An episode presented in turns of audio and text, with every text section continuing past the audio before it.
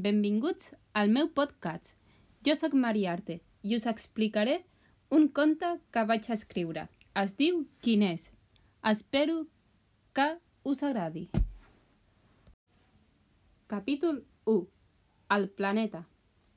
En una galàxia d'allò més llunyana anomenada Mantra, hi ha un planeta molt bonic anomenat Quin, on habiten uns éssers coneguts per al nom de quinesos.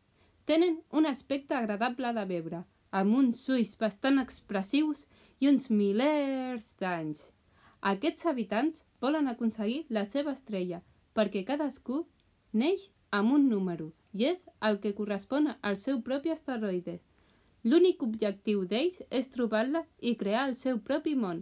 Ja em dic Deudor i seré el narrador de la següent història, protagonitzada per uns quinesos fa uns segles, en el temps de l'infinit, temps que a la Terra és el present. Prèviament us presento el número 114, el protagonista de la següent aventura. Es diu Sigor. És un dels pocs quinesos que vol descobrir on és el planeta Terra, del qual coneix moltes llegendes. Sigor treballa amb el seu pare, un quinès amb aspecte autoritari a l'arbre de canyella familiar. De sobte li pregunta al seu pare «Pare, perquè a la Terra s'ho mengen tot i nosaltres només ens alimentem de canyella? Per què els humans tenen objectes i nosaltres tenim només canyella? I per què són els més populars en totes les galàxies? El pare, anomenat Fluid, sent el número 10, respon amb calma. Fill, totes les llegendes que diuen de la Terra és mentira. Els humans són terrorífics. Recordes?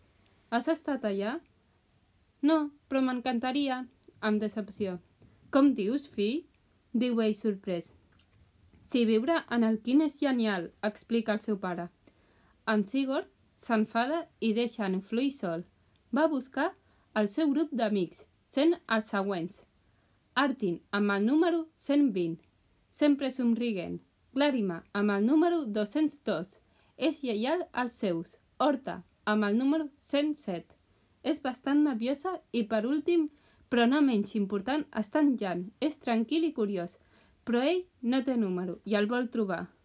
Sigor es reuneix amb ells allà on sempre, en uns gronxadors de canyella on fica el lema del grup.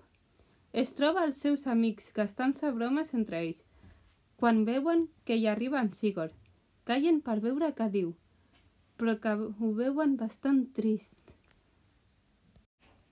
Els explica que s'han d'anar a descobrir la Terra, perquè ell sol no ho podria fer i necessitaria els seus amics al costat. També diu que sempre estan rodellats de canyella i vol veure amb els seus ulls si les llegendes i històries de la Terra són certes. Jan li respon que no pot anar sense abans descobrir el seu número i crear el seu món. Amb tristor, en Sigurd, enfadat, li crida. Què ha passat amb la teva estrella, Jan? Clàrima, amb frustració de veure el seu amic cridant, diu «Sigor! Clàrima!» contesta ell. Necessito descobrir coses noves. Podem anar-hi junts o podeu quedar-vos aquí rodellats de canyella.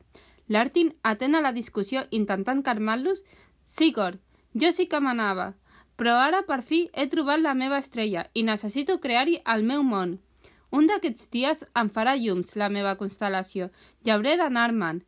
Sigor, esperant el fet que Horta digui que l'acompanya, li pregunta «Horta, no dius res? No vols viure una aventura?» «Sigor, no puc ajudar-te. Saps la feina que tinc amb el meu arbre familiar de canyella.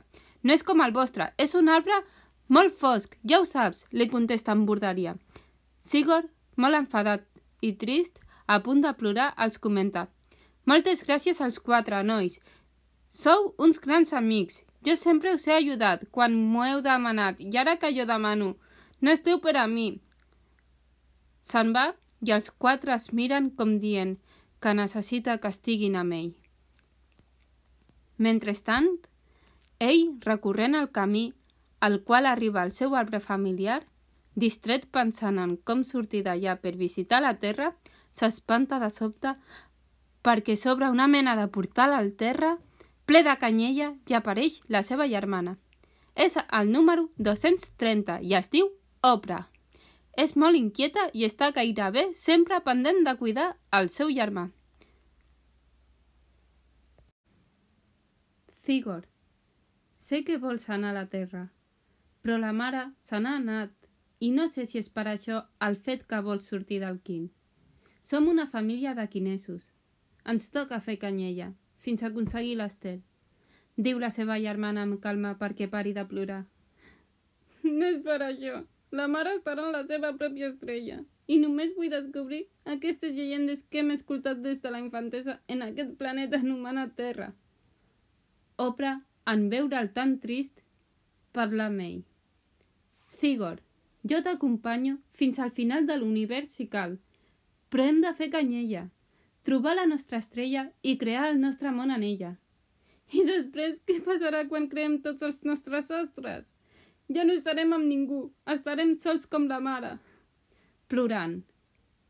Oprah s'asseu al portal del terra i li diu que si no vol tornar a casa, que es busqui altres arbres als quals anar, que està molt cansada de que cada dia digui el mateix i que no pot estar sempre plorant per voler el que no es pot tenir, a la vegada que salta el portal i es tenca. Cigor continua caminant. S'atura en un arbre de canyella abandonat i comença a trencar l'arbre per muntar una barca amb les branques i els troncs. Mentre construeix la barca, els seus amics apareixen, excepte en Jan, i sense dir res, comencen a ajudar. A mitjanit, on en aquest planeta la nit és vermella i el dia groc, comencen a parlar. Horta observa que s'està posant en vermell. És hora de tornar cadascú als seus respectius arbres. A mesura que l'Artin li diu en Sigurd que ho sent, però està demanant l'impossible. Sigurd, amb lideratge, els explica que ell no es rendeix i els anima. Vinga, nois! Quin és el nostre lema? Tots alhora. Crea i seràs feliç! S'acomiaden obrint un portal diferent per arribar als seus arbres mentre Sigurd es queda. I Jan ve a parlar amb ell. T'he estat observant tota la tarda. No has dit res. No he ajudat perquè no tinc una estrella. Sóc l'únic ésser o quin d'aquest planeta que no la té. És frustrant. I només penses a anar a la Terra, on t'expliquen que hi ha el pitjor dels universos, els anomenats humans. Diuen que són terrorífics i no tenen estrelles per a tots els habitants d'aquell planeta. Li comenta amb serietat, i ell li respon amb un to de cansament. Només vull descobrir altres mons, tants com reals i imaginaris existeixin. L'estrella, per què la volem? Si només la tenim una vegada. Perquè és normal, no? Tindre un estel per cada quin, amb el poema que ens acompanyarà totes les nostres vides, Sigor. En Sigor no vol dir-li al seu amic que és l'únic que no pot obrir un portal. I li diu enfadat en Jan, per què no podem sortir d'aquest planeta? Per què estem tot el dia amb canyella? Vull viure, conèixer els éssers humans terrorífics i veure l'estrella que la meva mare va aconseguir trobar. En Jan li proposa un tracte en veure'l tan alterat. Si m'ajudes a tenir un número, Sigurd, t'ajudaré a anar a la Terra i a descobrir aquestes aventures de les tantes llegendes que ens expliquen dels milers de galàxies, dels milers de planetes, dels milers d'universos. Sigurd riu i li diu amb entusiasme que deixi de dir aquestes coses tan ràpidament, acceptant el tracte amb un miniball, el qual és el senyal dels quines quan fan promeses. Seguidament, es preparen per acabar la barca. L'endemà al matí, els dos estan dormint en l'embarcació ja acabada. És una barca senzilla, sense rems ni timons. De sobte la barca comença a volar.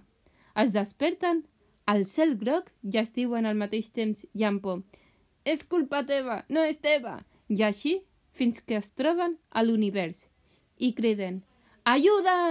els dos alhora, abraçats amb els ulls tancats. Jan obre els ulls primer i li diu al Sigurd que miri sorprès d'estar a l'espai. Sigurd comença a saltar a la barca i a dir «Ho hem fet! Ho hem aconseguit!» Molt sorpresos tots dos, comencen a gaudir de les vistes, veient un munt d'estrelles amb els seus respectius quines i d'altres sense ningú esperant el seu quin. En Jan comença a dubtar si això és correcte o incorrecte, a mesura que en Sigor comença a dir si realment vol veure tot el que sempre ha somiat o té una mica de por. Enraonen si han de tornar o no a casa i com poden tornar. Sigor, hem, hem de tornar. Pot, pot, pot ser perillós. Ens, ens estaran buscant, diu Jan amb la veu temblorosa. Tu creus, Jan? Estem en l'univers. Vinga, mai hem sortit del nostre planeta. Mai. Hem de trobar la teva constel·lació. És la teva oportunitat d'aconseguir el número i poder buscar-la per fi. Podem veure la Terra, Júpiter, incloent-hi Plutó. Si us plau, comencem aquesta aventura junts. Descobrirem el teu número, t'ho prometo. Li promet amb fermesa però pen pensant en tots els perills que hi pot haver, i tornen a fer el mateix miniball. Es queden bocabadats mirant el paisatge, quan es topen amb una estrella on habita un ésser anomenat la Lluna. Sent el número 402. Té molt entusiasme i curiositat per tot. La Lluna pregunta que qui són i què fan amb aquest estrany vaixell fet esclar, de Canyella. Sigor es presenta dient el número. 114. Assenyala el Jan comentant-li que és el seu amic. La lluna expressa una cara de com que es presenta amb el nom i no amb el número, dient així que... Jan, oi? Jan es queda en silenci, avergonyit per no presentar-se amb un número, i la lluna comenta que té un nom molt interessant. Molt trista, la lluna explica la seva estrella i Jan li pregunta per què aquesta tristesa si té un astre amb molts detalls. Bastants subjectes extravagants que volen fent sorolls agradables. Estranys mobles que transmeten en imatges els millors moments de la lluna en aquesta constel·lació. En Sigor i en Jan estan sorpresos per la decoració. Parlen entre ells el fet que, veient aquesta estrella, ja ho havien vist tot, comenta en Jan. Sigurd no està d'acord i l'expressa el que li ha fet sentir veure l'estel de la lluna, dient-li al Jan que s'imagini les coses que poden existir i no ho saben. Té clar que vol continuar explorant l'univers. En veure la lluna que se n'anaven, s'ofereix per acompanyar-los preguntant si pot anar amb ells. Jan li respon, és una broma, oi? li diu vacilant.